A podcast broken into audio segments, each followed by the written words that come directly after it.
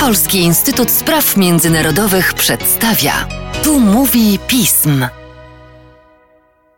Tu mówi pism. Przy mikrofonie Mateusz Józwiak, a wraz ze mną Stefania Kolarz, analityczka Polskiego Instytutu Spraw Międzynarodowych do spraw prawnych aspektów funkcjonowania Unii Europejskiej. Cześć Stefaniu. Cześć Mateuszu. W marcu bieżącego roku Parlament Europejski po raz kolejny sprzeciwił się praktykom sprzedawania unijnego obywatelstwa i praw pobytowych w zamian za inwestycje w państwach członkowskich. Dla rozwiązania problemu, oprócz propozycji prawodawczych Komisji, konieczna jest współpraca państw członkowskich. Ale o tym, jak to wygląda, kieruję już pytanie do naszej rozmówczyni. Stefanio, jaka jest skala problemu złotych paszportów i wiz w Unii Europejskiej? Skala problemu złotych e, wiz i paszportów w Unii Europejskiej jest trudna do oszacowania. Jeżeli chodzi o paszporty, takie programy oferują aktualnie Bułgaria i Malta. Są jeszcze dwa państwa, które są e, w takiej w cudzysłowie szarej strefie.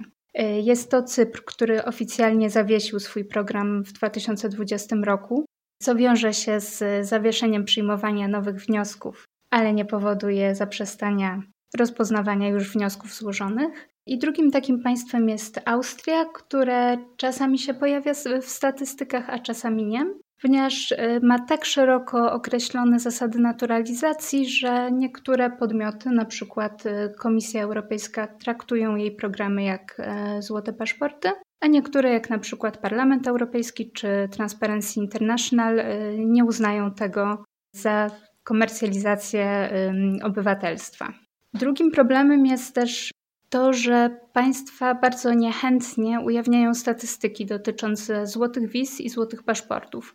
Tutaj y, najczęściej te informacje y, pojawiają się w wyniku śledztw dziennikarskich, ewentualnie na konkretne pytania instytucji unijnych, ale zazwyczaj to też nie są łatwo dostępne informacje ani dostępne publicznie. Jeżeli natomiast chodzi o złote wizy, tutaj też są dosyć duże rozbieżności odnośnie tego, ile państw je oferuje. To się dosyć często zmienia, pojawiają się nowe programy, niektóre są zawieszane. Według szacunków Parlamentu Europejskiego jest to aktualnie 12 państw. Komisja jeszcze rok temu mówiła, że 20, natomiast komisja miała dużo bardziej restrykcyjne kryteria oceny poszczególnych e, programów wydawania wiz, stąd mogły pojawić się różnice. Generalnie, jeżeli chcielibyśmy powiedzieć o jakiejś tendencji, państwa Unii Europejskiej oferują coraz mniej e, złotych paszportów, czyli albo zawieszają swoje programy, albo nakładają pewne ograniczenia, e, jeżeli chodzi o samą ilość wydawanych dokumentów. Tutaj na przykład Malta zobowiązała się początkowo, żeby wydawać tylko 1800 złotych paszportów rocznie. Oczywiście w miarę upływu miesięcy ta liczba wzrosła do ponad 3000.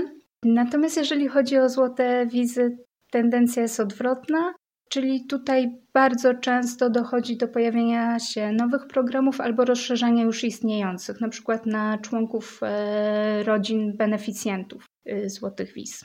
Stefanio, jak kwestie związane z wojną na Ukrainie wpływają na wydawanie paszportów i wiz. Jednak jest to sytuacja, która może wpłynąć na to w dość istotny sposób.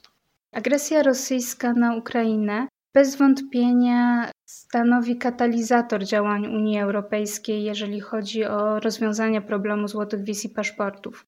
Warto pamiętać o tym, że instytucje unijne rozpoczęły te działania już kilka miesięcy temu, natomiast ten problem nie był do tej pory priorytetem dla Unii Europejskiej, natomiast konieczność e, wprowadzania sankcji, zapewnienia, żeby były one efektywne, na pewno podnosi rangę tego problemu. Ponieważ wielu rosyjskich oligarchów, też osób powiązanych z reżimem Władimira Putina, jest beneficjentami czy to złotych paszportów, czy złotych wiz. Tutaj znowu trudno jest oszacować skalę tego problemu, natomiast według ostatnich danych w ciągu 10 lat państwa Unii Europejskiej wydały około 4000 złotych paszportów Rosjanom. To są y, za inwestycje rzędu 3 y, miliardów euro. Rosjanie bardzo chętnie kupują paszporty Malty. Szacunkowo jest to 1 czwarta wydanych w ten sposób paszportów, a w Bułgarii nawet jest to 40% złotych paszportów. Tutaj w Bułgarii bardzo często beneficjentami są rosyjscy bankierzy. Innym problemem jest też to, komu te paszporty są wydawane. Obywatele rosyjscy byli e, bohaterami kilku afer pomiędzy państwami członkowskimi.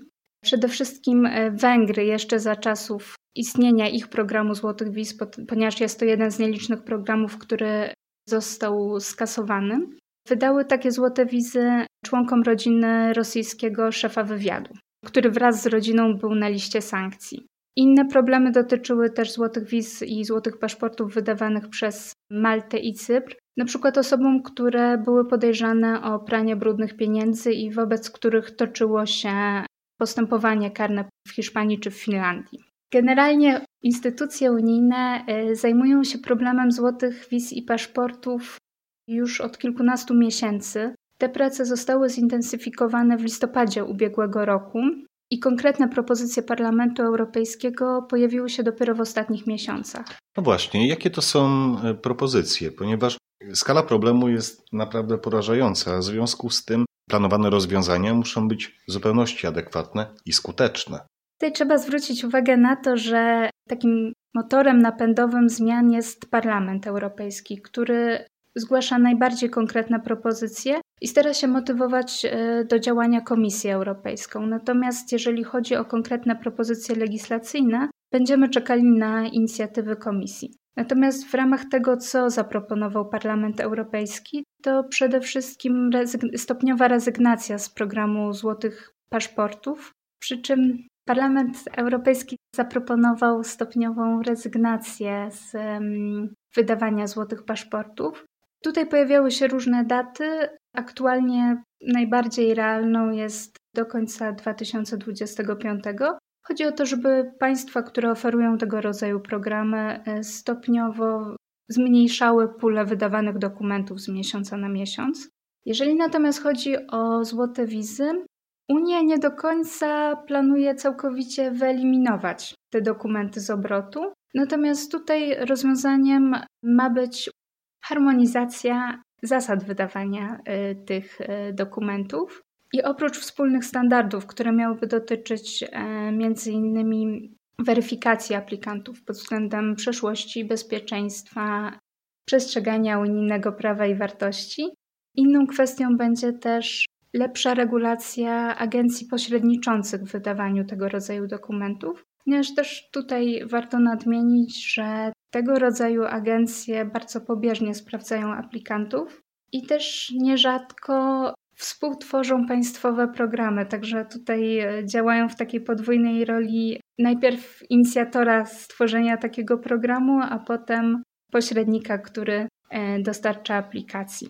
Innym bardzo ciekawym pomysłem jest też to, żeby inwestycje, e, które pochodzą z tych złotych paszportów i wiz, stanowiły nową kategorię zasobów własnych Unii Europejskiej, czyli bezpośrednio wpływały do budżetu Unii Europejskiej, a nie tak jak do tej pory państw członkowskich. E, tutaj instytucje unijne proponują dosyć ciekawą logikę, że jeżeli wszystkie państwa są narażone na potencjalne szkody związane z oferowaniem złotych wiz, ewentualnie również paszportów, to wszystkie powinny też czerpać z tego korzyści. Innym problemem do rozwiązania jest kwestia złotych paszportów i wiz oferowanych przez państwa trzecie.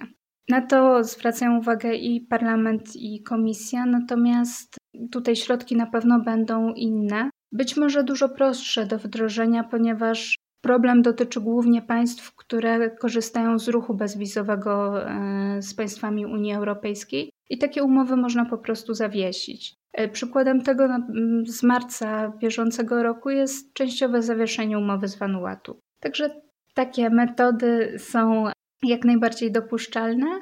Natomiast parlament i komisja zamierzają również podjąć kroki, żeby lepiej uregulować takie e, sytuacje na przyszłość, czyli e, również zwrócić uwagę na istnienie programów złotych paszportów i wiz w procesie przedakcesyjnym. Jakby to miało wyglądać, nie jest to jeszcze określone przez instytucję, ale prawdopodobnie znajdzie się również w propozycji komisji.